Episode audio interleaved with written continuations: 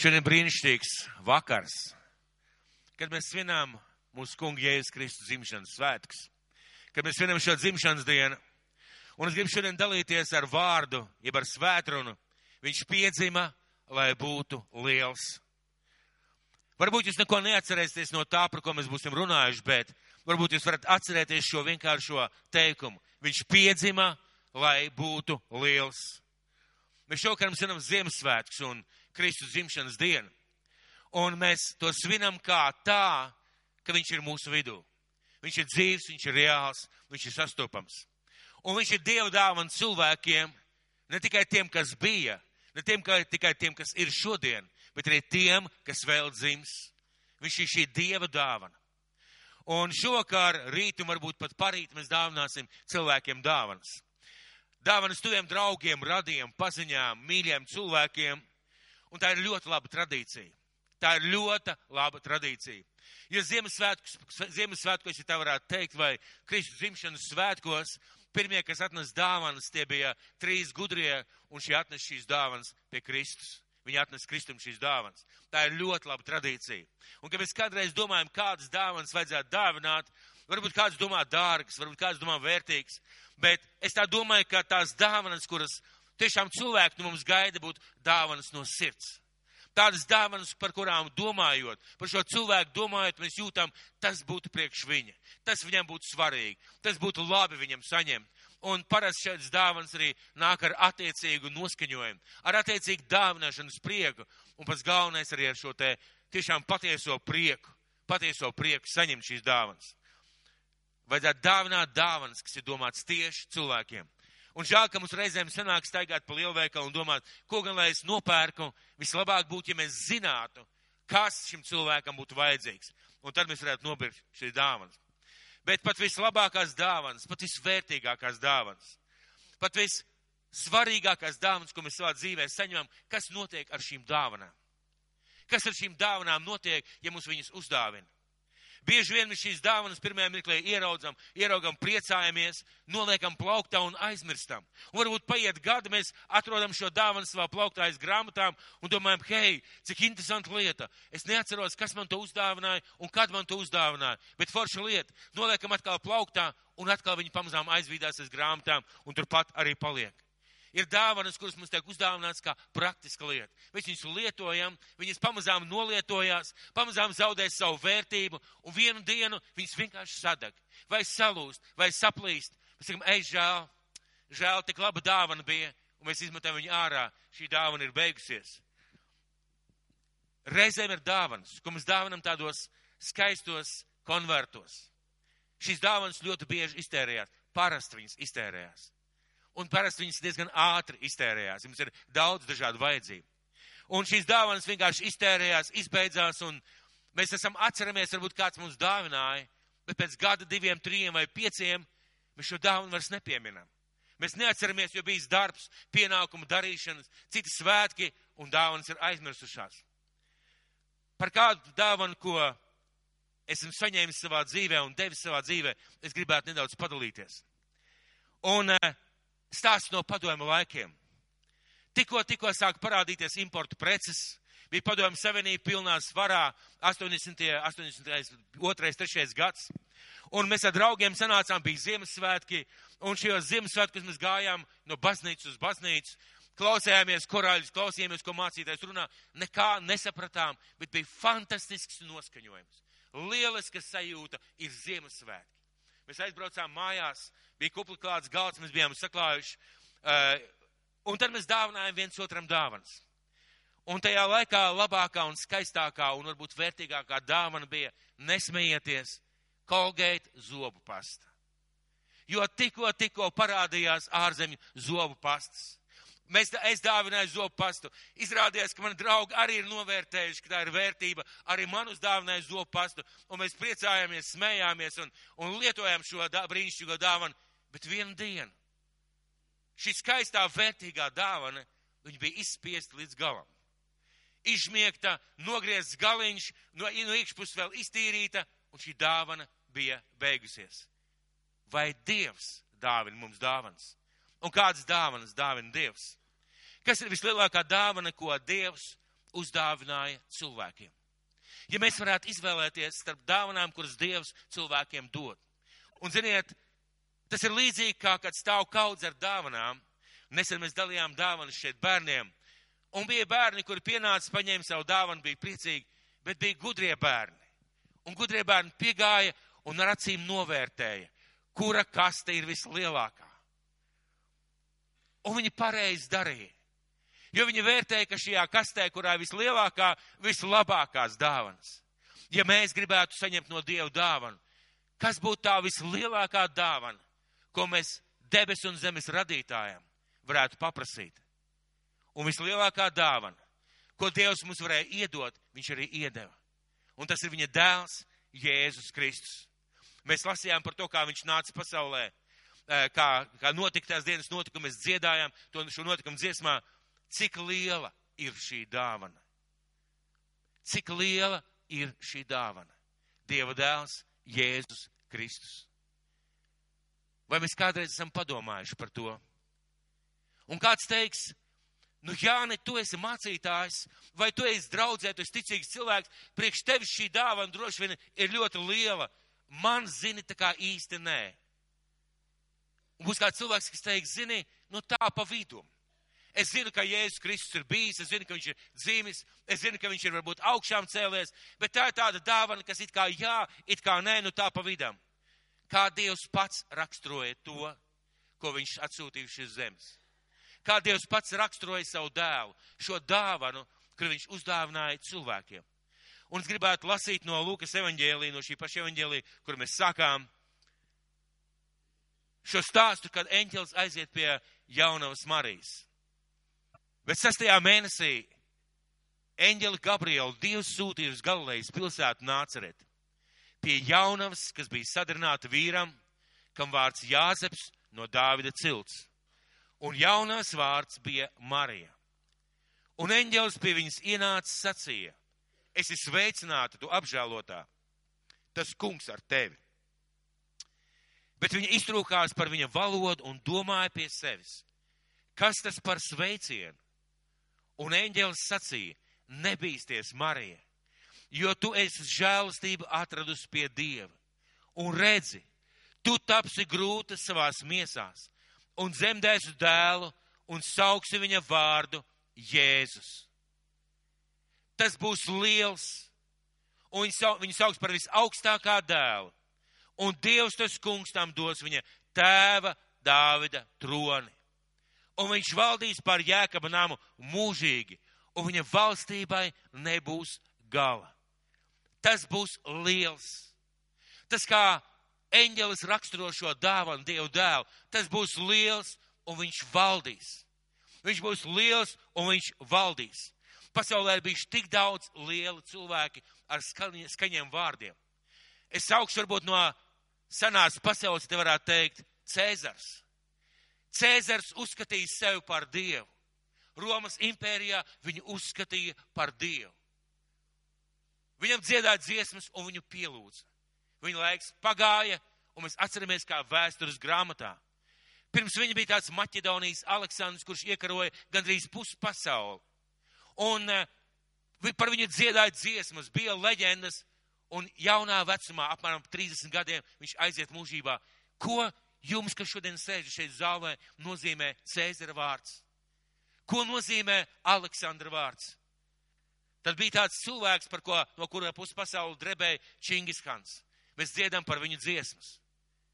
Bet sakiet, ko jebkuram no šī laika cilvēkiem tas nozīmē kā vienīgi vēsturi?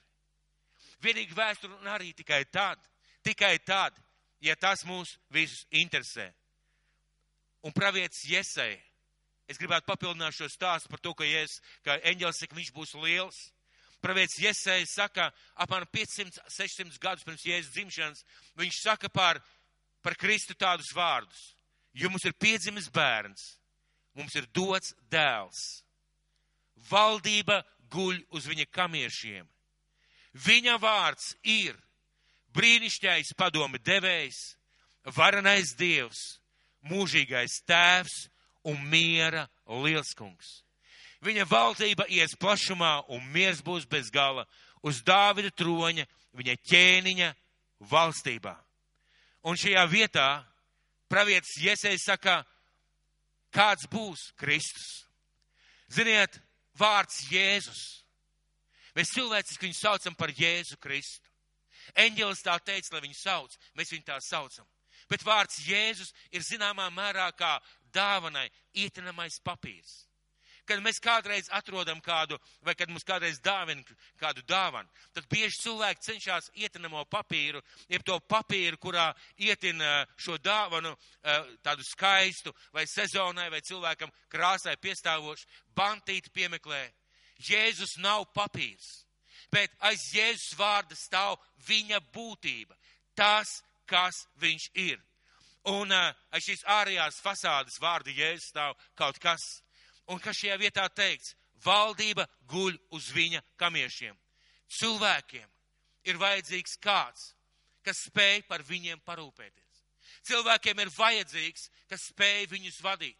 Cilvēkiem ir vajadzīgs, kas spēj domāt par viņu vajadzībām. Un šajā vietā pravietis iesaka, ka valdība guļ uz viņa kamiešiem. Viņa vārds ir, viņa vārds ir brīnišķais padoma devējs. Mīļie, mums visiem ir vajadzīgs padoms. Mums visiem ir vajadzīgs mierinājums. Mums visiem ir vajadzīga drošība. Mums visiem ir vajadzīgs tas, kas ir Jēzu Kristu. Un viņš to spēj dot. Viņš to var dot, jo viņa vārds ir brīnišķīgais padomu devējs, mūžīgais tēvs. Kāpēc Dievs tik ļoti bieži runājot par sevi, viņš saka, sauciet mani par tēvu? Kāpēc šajā vietā pravietis iesaista, ka viņa vārds ir mūžīgais tēvs. Ziniet, kāpēc? Tāpēc, ka daudz no mums savā dzīvē varbūt nav piedzīvojuši labus tēvus. Var tikai ar, ar tādu ar tādām bēdām klausīties tos daudzos stāstus, kā tēvi reizēm ir izturējušies pret saviem bērniem. Daudziem no mums varbūt ir bijuši brīnišķīgi tēvi, bet viņi jau ir mūžībā. Un mums ir vajadzīgs kāds, kam mēs varam pieglausties kā tēvam, un tas runā par tēva mīlestību. Mums visiem ir vajadzīgs kāds, kas mūs mīl. Un miera liels kungs. Cilvēki ir izslāpuši pēc miera. Mīļie draugi, ja šodien jūs pajautātu cilvēkiem pasaulē, un būtu iespēja, ka viņi apsēžās no savas skrējiena, un mēs viņiem pajautātu, pēc kā tu visvairāk ilgojies? Kas ir tas, ko tu gribētu savā dzīvē Es domāju, ka biežākā atbild būtu miers, miers un drošība. Cilvēki ir noguruši no skrējiena, no steigas, no pienākumiem, no darīšanām. Cilvēkiem ir vajadzīgs miers. Un šajā lietā tiek teikts miera lielskungs. Mīļie, Kristu ir miers. Viņš ir miers. Kad kādā no vēstulēm apstults Pāvils raksta par, par mieru, viņš novēl mielu tai mieru, tai draudzē, kā viņš raksta šo vēstuli, viņš saka, un Dieva miers, kas ir augstāks par visu saprašanu, augstāks par visu loģisko prātu, augstāks par visiem secinājumiem, lai piepildu jūsu prātu un sirdi. Kad viņš aiziet pirms savas aiziešanas, viņš saka saviem mācekļiem, savu mieru es jums atstāju. Savu mieru es jums dodu, nekā pasauli dod, es jums dodu. Ziniet, kāpēc? Viņš ir miera lielskungs, un viņā mēs varam atrast mieru. Viņā mēs varam atrast drošību. Viņā mēs varam atrast to, pēc kā mēs sirds ilgojās. Viņā ir viss. Valdība guļ uz viņa kamiešiem. Viņa vārds ir brīnišķīgais padoma devējs, varenais dievs, mūžīgais tēvs un miera lielskungs. Redziet, tajā naktī, kad piedzima Jēzus, nepiedzima vienkārši Jēzus, piedzima Dieva dēls Jēzus un vienlaicīgi. Viņš bija gan cilvēka miesā, gan cilvēks. Un tajā pašā laikā viņš bija Dievs. Tajā pašā laikā viņš bija atlicis savas daudz dievišķās lietas malā, lai nodzīvotu savu dzīvi tā, lai cilvēki tiktu glābti. Viņš bija varenais Dievs. Personība, ko mēs esam aicināti pielūgt un aicināti meklēt. Bet, ziniet, kaut kas liels, kaut kas liels un varens, kaut kas tāds, kas ir citu cilvēku dzīvēs, kļūst par daļu no manas dzīves. Kaut kas liels kļūst liels manā dzīvē tikai tad, kad es to ielaižu iekšā savā dzīvē. Tas var būt kaut kas liels, kaut kas varans, kaut kas lielisks, bet priekš manis tas kļūst liels tad, kad es to ielaižu savā dzīvē. Kad tas sāk iespaidot manu dzīvi, kad es ļauju tam sevī augt. Kad šim lielajam es ļauju sevī augt. Ozols ir liels koks. Ozola ir liela koka un bieži vien tikai var pabrīnīties par viņu varenību, par viņa biezajiem un resnajiem zariem, par resno stumbru, ko varbūt nevar trīs cilvēki apkamt. Bet, ziniet, es esmu bijis kādā vietā, kādā kokaudzētavā, un man bija milzīgs pārsteigums, ka resnu ozolu, kas bija apmēram šāds te, viņš var būt krūma augstumā. Un pārsteidzošais bija tas, ka šis te dārznieks, viņš to ozoliņus jau bija griezis no, no viņu pašas, paši tā varētu teikt, stā, kad viņi bija vēl maziņi. Un tie ozoli, kas pie stumra bija apmēram tādi, kā ar divām rokām nevarēja apķert, viņi bija jāņoga krūmus augstumā. Ziniet, kāpēc? Viņš neļāva augt šiem krūmiem, kokiem lieliem. Un ozoli, kuriem vajadzēja būt vismaz trījiem, četriem metriem, viņi bija kādu metru no zemes. Kāpēc? Viņš apgriež šos kokus. Un redziet, tieši tāpat lielais Kristus, lielais Dieva dēls. Viņš var, viņš var palikt tāds pats maziņš manā dzīvē, ja es neļauju viņam augt savā dzīvē. Un man ir jautājums. Šodien šajos svētkos, cik liels Jēzus ir tavā dzīvē? Cik liels Jēzus ir manā dzīvē? Vai viņš vispār ir piedzimis tavā dzīvē? Vai viņš vispār ir piedzimis tavā dzīvē? Varbūt tas ir palicis tas stāsts tur Bībelē. Pie tām vecajām tantiņām, pie tiem veciem cilvēkiem, kas tic, ka ir Dievs. Varbūt Jēzus ir palicis tur tajā stāstā, tajā Bībeles stāstā un tajās uzvedumos un tajās teātros un tajās dziesmās. Vai Jēzus auga? Vai Jēzus auga? Un šajā pašā Lūkas evaņģēlī otrajā nodaļā ir rakstīti ļoti interesanti vārdi. Ļoti interesanti vārdi bet bērniņš auga, tāpat stiprs, garā, pilns gudrības, un Dieva žēlstība bija ar viņu. Bet bērniņš auga, tāpat stiprs, garā, pilns gudrības, un Dieva žēlstība bija ar viņu. Varbūt Jēzus ir izaudzis priekš tevis un ir kaut kur tik augstu debesīs un tik tālu no tevis ka tu dzīvo savu dzīvi un tev nav daļas gar viņu. Un it kā varbūt arī viņam nevajadzētu būt daļai gar tevi, jo, jo tava dzīve nesaistās ar viņu. Viņa it kā nesatiekās. Tu zini, ka kaut kur tur viņš ir, bet tava dzīve nekāda netiek iespaidot viņa, viņa. Bet kā tam patiesībā vajadzētu būt? Kā tam vajadzētu būt mūsu dzīvē? Kā tam vajadzētu būt? Kāpēc eņģeļs Kāpēc eņģelis atnākot pie, pie jaunās Marijas, viņš saka, viņš būs liels? Tāpēc, ka Dievs ir ieplānojis, ka Dieva dēls, Jēzus Kristus, spēj, var un vēlās būt liels ikviena cilvēka dzīvē. Vai dzirdat? Ikviena cilvēka dzīvē. Vai tas ir vecs, vai tas ir jauns, ja es vēlās būt liels ikviena cilvēka dzīvē kā tam vajadzētu būt. Un šos, šo, šo jēzus lielumu visprecīzāk raksturo Jāņa Kristītāja vārdu. Es zinu, ka šajā zālē ir cilvēki, varbūt, kur nezina Jāņa Kristītāja stāstu. Jānis Kristītājs bija cilvēks, kuru Dievs aicināja sludināt par Jēzus atnākšanu. Un Jānis Kristītājs staigā un sludināja un sauca, ka viņš sagatavo ceļu tam, kas nāks pēc viņa. Un, kad Jēzus atnāk, Jānis Kristītājs saka vārdus, kuriem vajadzētu būt iekaltiem mūsu visu prātā, sirdī, dvēselē un kā mums vajadzētu domāt. Jānis Kristītājs saka, man jāiet mazumā, bet viņam jāaug. Man jāiet mazumā, bet viņam jāaug. Kam jāiet mazumā?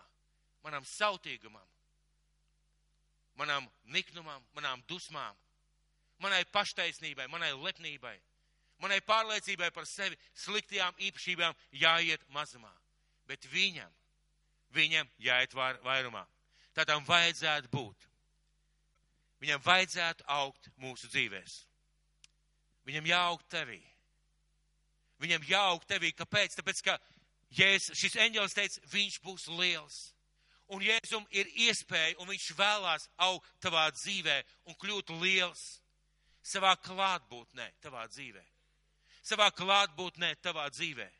Jēzum vajadzētu būt kļūt lielam tavā ticībā. Jēzum vajadzētu kļūt lielam tavā mīlestībā uz cilvēkiem, kas ir apkārt, un, cilvē, un mīlestībā uz Dievu. Tavām, Jēzum tavā dzīvē vajadzētu kļūt lielam vārdos, un viņam vajadzētu kļūt lielam tavos darbos jo viņš piedzima, lai būtu liels. Viņš piedzima, lai būtu liels. Ne lai mēs viņu aizmirstu, ne lai atstātu tajā kartiņā vai dziesmā, bet lai viņš būtu liels mūsu katra personīgajā dzīvē. Vai šī dāvana, vai šī dieva dāvana, Jēzus Kristus kādreiz beigsies? Viņa nekad nebeigsies. Šī dieva dāvana Jēzus Kristus nekad nebeigsies. Viņu nevar iztērēt. Šo dāvanu nevar iztērēt kā zobu pasta stūbiņu. Šī dāvana nevar novecot. Šī dāvana nevar kļūt neaktuāla. Šai dāvanai Jēzum Kristum ir mūžīga vērtība. Šai dāvanai ir mūžīga vērtība, ja mēs tai ļaujam augt savā dzīvē. Kā tu gribētu? Šajos Ziemassvētkos es tev gribētu pajautāt. Tā pilnīgi godīgi un nevajag skaļi varbūt arī atbildēt, bet pilnīgi godīgi. Kā tu gribētu? Lai tā būtu tikai leģenda, tikai stāsts, skaists notikums, ko mēs otrā dienā aizmirstam, ejot ceļā uz jauno gadu. Vai tā ir realitāte? Vai ka tā ir realitāte? Ka tā ir patiesība? Ka Dieva dēls nāca uz šo zemi, lai būtu kopā ar tevi? ja būtu mums jānosvarās starp šiem diviem, diviem svariem vai svaru kausiem, ko tu izvēlētos? Un ziniet, izvēlētos, ka tā ir realitāte. Tavā dzīvē kaut kas sāktu mainīties. Ja tu izvēlētos, tavā dzīvē sāktu mainīties. Un zini vēl, kas ir pa lietu. Ziniet vēl, kas ir pa lietu. Šī Dieva dāvana dara lielas arī mūsu dzīves. Šī Dieva dāvana dara lielas arī mūsu dzīves. Lielākā daļa, jeb daudz cilvēku savā pasaulē, savā dzīvē, nodzīvo savu dzīvi cīnoties ar pelēcību. Domājot, ar, uzdodot sev jautājumus, kāpēc es dzīvoju? Nu, kāpēc es dzīvoju? Vai tikai tāpēc, lai ēstu un ēdu, lai dzīvoju? cilvēki izmisīgi mēģina, mēģina kādai, kādam cilvēkam šajā pasaulē vai kādiem cilvēkiem pierādīt, es kaut kas esmu, es kaut ko nozīmēju, es kaut ko varu. Bet tad, kad Jēzus Kristus ienāk mūsu dzīvē, mūsu dzīve patiešām paliek vērtīga. Mūsu dzīve patiešām paliek liela. Mūsu dzīve iegūst mūžības vērtību. Ziniet, kāpēc? Jo Dievs mūs dzemdina mūžīgai dzīvei Un otrā lieta, viņš ieliek mūsu dzīvē mūžīgās vērtības vārdus. Ar šo dāvanu var dalīties. Ar šo dāvanu var dot citiem cilvēkiem. Par šo dāvanu var stāstīt. Un šī dāvana atnes mūžīgo dzīvību citu cilvēku dzīvē. Tas nozīmē, ka ja mēs ielaižam Dievu dāvanu mūsu dzīvē, ja Kristus Jēzus ir liels mūsu dzīvē, arī mūsu dzīves kļūst lielas viņas kļūst vērtīgas, viņas kļūst nozīmīgas, viņas kļūst svarīgas gan Dieva, gan cilvēku acīs. Jo Jēzus kļūst lielāks manā dzīvē un tavā dzīvē, jo viņš kļūst vērtīgāks. Ja pirmajos gados, kad, kad es sastapu Kristu, kad es pats piedzīvoju Dievu, Jēzus bija man kaut kas mistisks, kaut kas nesaprotams, kaut kas ļoti tāds tāls un svarīgs, te pašā laikā bijājams, tad jau vairāk iet gadi, jo vairāk gadus es viņu pazīstu, jo vairāk es saprotu, kā man ir palaimējies. Mīļie, kā jums ir palaimējies, ka jūs esat iemantojuši mūžīgo dzīvību un sastapuši savā dzīvē Kristu. Jo šodien miljoniem cilvēku pasaulē viņi klīst kā pa tumsu. Viņiem nav pie kā griezties, viņiem nav miera ķēniņa, viņiem nav padomu pie kā vērsties. Un jo vairāk es dzīvoju, jo vairāk mēs dzīvojam, jo vairāk mēs saprotam, cik milzīga vērtība, cik milzīga vērtība Kristus ir mūsu dzīvē. Šī dāvana kļūst arvien vērtīgāk, vērtīgāk un vērtīgāk. Ar šo dāvanu, kā jau es teicu, var dalīties. Tā nekad nebeigsies. Zobu pasta beigsies. Konfekts mēs apēdīsim. Ziemassvētku prieks, ko mēs piedzīvojam šodien, rīt, parīt, aizparīt, viņš pamazām izplēnēs. Kristus neizplēna. Viņš nepazūd tad, ja viņš ir piedzimis mūsu sirdī, ja mēs esam noticējuši un ļauj, sākam ļaut viņam šo augt. Un vēl kāda viena svarīga lieta, par ko es gribētu teikt.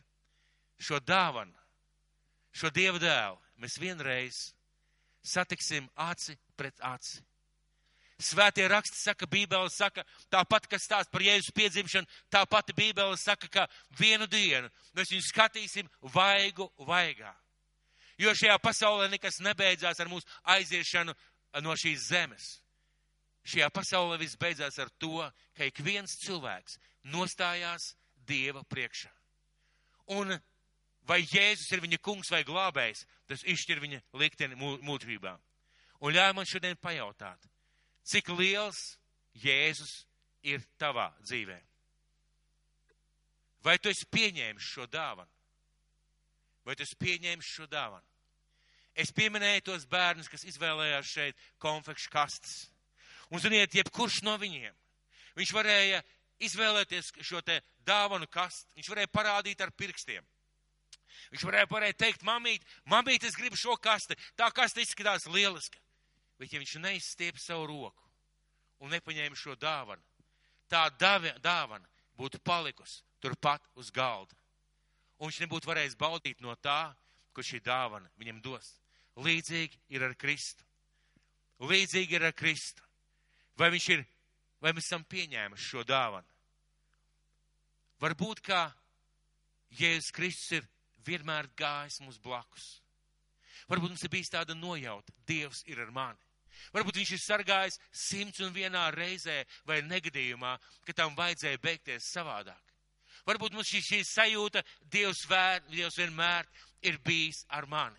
Tad ļauj man pajautāt, tad ļauj man pajautāt, vai tas ir gatavs pieņemt šo dāvanu? Varbūt, vai tas ir gatavs pieņemt šo dāvanu? Kā pieņemt šo dāvanu? Kā pieņemt Kristu kā Dievu dēlu? Kā pieņemt to, ko Dievs sūtīja šajā laikā šeit uz zemes? Pirmām kārtām notici. Notici tam, ka Dieva acīs tavai dzīvei ir vērtība. Notic tam, ka viņš tevi mīl. Notic tam, ka viņš grib redzēt tevi mūžībā. Un notici tam, ka tieši tāpēc viņš sūtīja savu dēlu Jēzu Kristu uz šo zemi. Ka Ziemassvētki nav vienkārši notikums, bet tas ir notikums, kas ienāca šajā pasaulē, lai izmainītu arī tavu dzīvi. Notic. Otrā lieta. Bībele saka, ar sirds ticību un ar mutes liecību.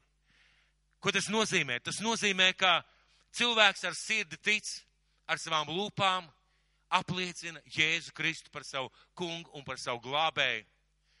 Un saka vārdus, piedod man manus grēkus, ienāc manā dzīvē, kļūst par manu kungu un par manu glābēju. Un kāds teiks, vai tik vienkārši? Tik vienkārši. 25, 6 gadus atpakaļ manā dzīvē bija šī lūkšana, un šī lūkšana strādāja. Ziniet, kāpēc? Jo es nevērsos pie Ziemassvētku stāsta. Es nevērsos pie kartiņām, es vērsos pie Kristus, kurš ir dzīvs. Un viņš dzirdēja manu lūkšanu. Viņš ienāca manā dzīvē, viņš paņēma manu dzīvi, un viņš mainīja manu dzīvi. Tas nozīmē, ka tik vienkārši ar sirds ticību un mutes liecību. Ļauj sevi sākt augt šim Dievu dēlam. Sāc lasīt Bībeli, sāc lūgt Dievu, sāc iet uz draudz. Un, mīļie brāļi un māsas kristieši, kas ir šodien šeit, viņam ir jābūt lielam arī mūsu dzīvē. Nepietiek tikai ar to, ka mēs viņu esam atzinuši, pieņēmuši un esam skaitamies viņa bērni. Viņam jābūt lielam manās attiecībās ar viņu. Viņam jābūt lielam manā ticībā. Viņam jābūt lielam manā piedošanā, tajā kā es piedodu cilvēkiem.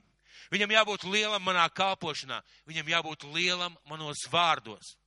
Viņam jābūt lielam manā ziedošanā, viņam jābūt lielam, jo viņš piedzima, lai būtu liels. Lai būtu liels manā un tavā dzīvē.